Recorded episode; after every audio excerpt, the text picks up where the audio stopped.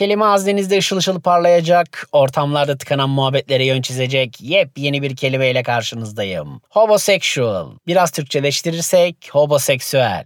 Çağımızın yeni garip trendlerinden biri. Cinsel bir tanımlama gibi görünse de öyle değil. Birisiyle sadece onun evinde yaşamak için sevgili olanlara deniliyor. Homoseksüellerin kendi evleri yok. Teknik olarak evsizler. Sevgililerinin evlerinde yaşıyorlar. Genelde iyi eğitimli ve iş bulabilecek durumdalar ancak çalışmak istemiyorlar. Sevgililerin evlerine yerleşiyorlar ve bütün gün oyun oynayıp ense yapıyorlar. Bir sevgiliyle ilişkileri bitmeye yakın başka bir sevgiliye kaynıyorlar. Buna da sevgili sörfü deniliyor. İşin ilginç yanı homoseksüeller genelde erkek. Evet beyler hayal ettiğimiz dünyayı bir adım daha yaklaşıyor muyuz ne? Bu trend yürürse ev adamı olup kadınlar çalışırken bizim bütün gün evde oyun oynadığımız o güzel günler gelebilir mi dersiniz? Gelecek hiç bu kadar umut verici olmamıştı.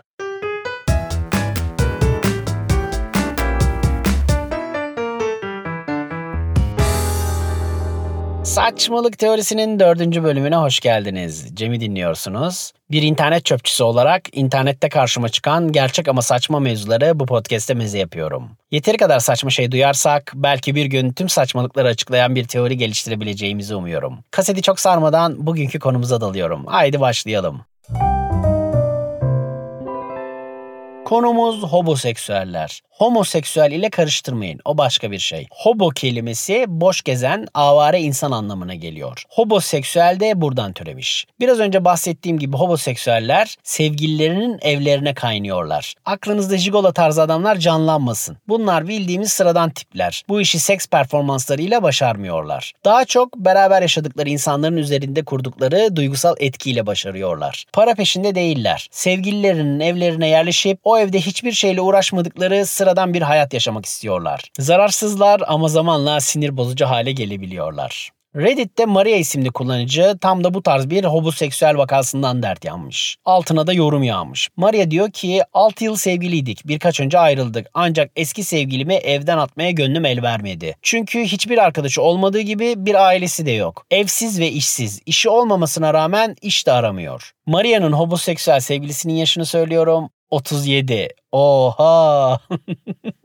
Zaten homocuların olayı buymuş. Genelde kendilerinden küçük yaşta sevgililer buluyorlarmış. Verilen örneklerde homocular en az 5-6 yaş büyük hep. Muhtemelen yaş farkından dolayı karşılarındaki insanı etkilemeleri daha kolay oluyor. Mesela birisi sevgilisinin 34 yaşında olmasına rağmen hayatı boyunca hiçbir zaman kendi evinde yaşamadığını söylüyor. Bir sevgiliden başka bir sevgiliyi atlıyormuş ve her zaman yedekte bir sevgili tutuyormuş. Hani işler ters giderse yedek sevgiliye transit geçeyim diye. Konuya dahil olan bir depocunun söylediğine göre açıkta kalan homoseksüeller sevgili bulamadıkları dönemlerde eşyalarını koydukları depolarda uyuyorlarmış. Adam bunları kovmaktan bıkmış. Mesela birisinin homoseksüel sevgilisi hem okuldan atılıyor hem de çalışmayı reddediyor. Hiçbir ev işine el atmadan bütün gün TV izleyip vampir romanları okuyormuş. Oha resmen hayalimi yaşıyor. Ayrılmalarına rağmen sevgilisi evi terk etmeyince o da evi boşaltıp başka bir yere taşınıyor. Hatta dediğine göre taşınırken sevgilisini boş evde bırakmış. Görünüşe göre bu işi profesyonelce yapanlar da var. Biri anlattığına göre Tinder'da bir erkekle tanışıyor. İlk buluşmaya gittiğinde çok etkileniyor. Çünkü neredeyse tüm ilgi alanları örtüşüyor. Hobileri, sevdikleri yiyecekler, hayatla ilgili düşünceleri falan tam uyumlu. Tabii ki kız çok etkileniyor. Tezgahı anladınız. İlk buluşmadan sonra erkek arkadaşı parası olmadığını söylüyor. Hesapları ve masraf masrafları kız ödemeye başlıyor. Hayatında doğru insanı bulduğunu düşünerek çok da kafasına takmıyor.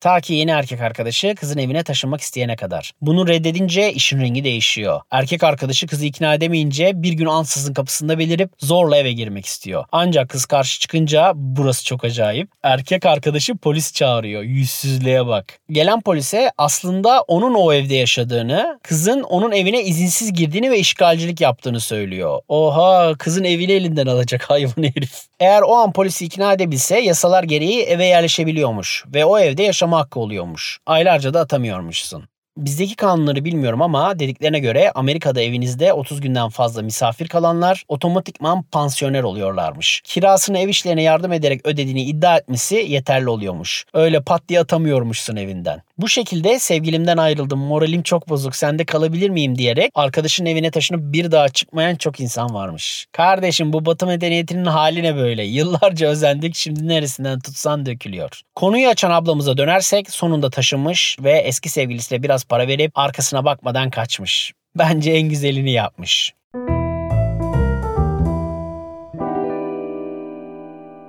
Resmen tersine dünya sevgili dinleyici. Keşke bu trend bize de gelse de erkekler olarak hiç çalışmasak. Ben yıllarca kadınların erkeklerden daha kalabalık olduğu sektörlerde çalıştım. Özellikle iletişim sektöründe, reklam ve pazarlamada kadın çalışanların ve yöneticilerin sayısı oldukça fazladır. Bayılırım kadın yöneticilerle toplantı yapmaya. Erkekler genelde biraz sıkıcıdır. Bence kadınlar bariz bir şekilde erkeklere üstünler. Ben şahsen kadın erkek eşitliğine karşıyım. Kadın hakimiyetini savunuyorum. Dünyayı kadınlara ver yönetsinler mis gibi. Ayrıca zengin karı bulmak bizim de hakkımız olmalı. Karı deyince de bir çirkin oldu be. Plaza diliyle pek iyi sound etmedi. Karı koca deyince garip olmuyor da karıyı tek kullanınca bir çirkin oluyor nedense. Bakın biz erkekler aslında bu duruma çoktan hazırız. Kahve köşelerinde yıllarca yancılık yaptık. Okey taşlarının büyüleyici dansını izlerken beleşe oralet içip kaşarlı tost yedik. O oraletin, o tostun tadı var ya anlayamazsınız. Hayatta hiçbir şey bir erkek için beleşten daha tatlı değildir.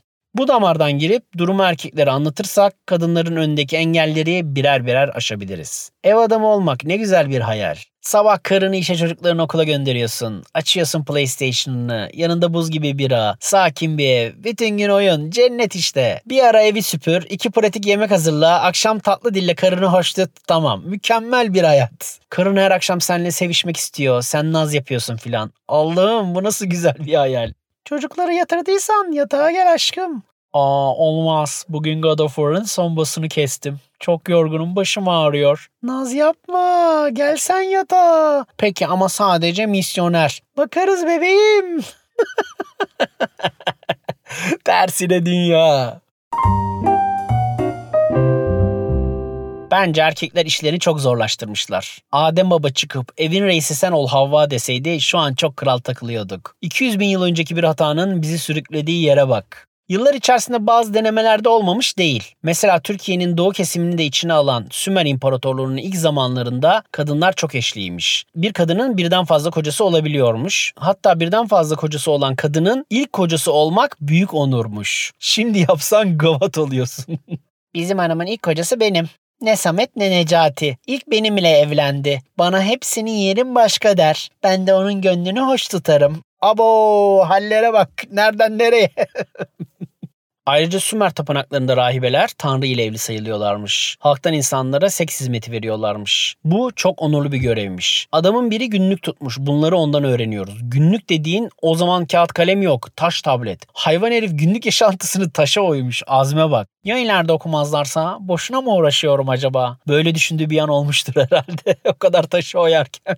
Dediğine göre erkekler ilk seks tecrübelerini rahibelerle yaşayabiliyorlarmış. Böyle bir hakları varmış. Bu abimiz de 5000 yıl önceki ilk seks tecrübesini taşa oymuş. İşte tapınağa gittim, belgelerimi verdim. Belge dedi de taş tabletler. Sonra bir odaya girdim, rahibe geldi, soyundu, boynumu öptü filan. Devamını anlatmıyorum. Adam Pornhub'un temellerini 5000 yıl önce anlatmış. Delireceğim sayın dinleyici. Bu din nasıl kayboldu ya? Ne oldu da dünya o güzel rahibelerden vazgeçip kara taşaklı din adamlarına geçti? Anlamakta güçlük çekiyorum. Konumuzu toparlamam gerekirse bu homoseksüellik yaşadığımız çağın bir sonucu. Örneğin Amerika'da yakın dönemde yapılan araştırmalara göre son yıllarda tabuların ortadan kalkmasına ve seksin özgürleşmesine rağmen gençler geçmişe göre daha az seks yapıyorlarmış. 90'lara göre minimum %15'lik bir düşüş varmış. Benzeri bir şekilde Güney Kore'de yapılan son araştırmalar 20-30 yaşlarındaki gençlerin sevgili yapmalarının %40 oranında düştüğünü gösteriyor. Bunu yapmıyorlar gibi değil de sevgili bile aramıyorlar diye anlayın. Gençler sadece evlilikten değil, sevgililik fikrinden de uzaklaşıyorlar. Dijital dünya hayatlarımızı ele geçirip sunduğu nimetlerle bizi şımarttıkça fiziksel hayattan ve onun zorluklarından uzaklaşıyoruz.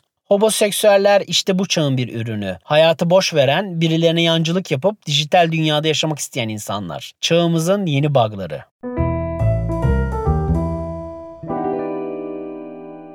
Bir bölümün daha sonuna geldik sevgili dinleyici. Geçtiğimiz birkaç hafta bu podcast'i paylaştığım insanlardan süper tavsiyeler, acayip iyi fikirler aldım. Bu doğrultuda saçmalık teorisine biraz ayar vermeye karar verdim. Fark edeceğiniz üzere bu bölüm biraz kısa oldu. Bundan sonra her bölüm 3-4 farklı konu işlemek yerine tek bir konuya odaklanan seri ateşlemelik bölümlerle karşınızda olacağım. Bölüm süreleri kısalırken yayın sayısını arttırmayı hedefliyorum. Yani aynı hafta içerisinde birden fazla yeni bölümde karşılaşmamız muhtemel. Haftaya yeni bölümlere beklerim sevgili dinleyici. Sensiz olmaz. Buradaki yerin her zaman hazır. Sık sık vura kendini özletme.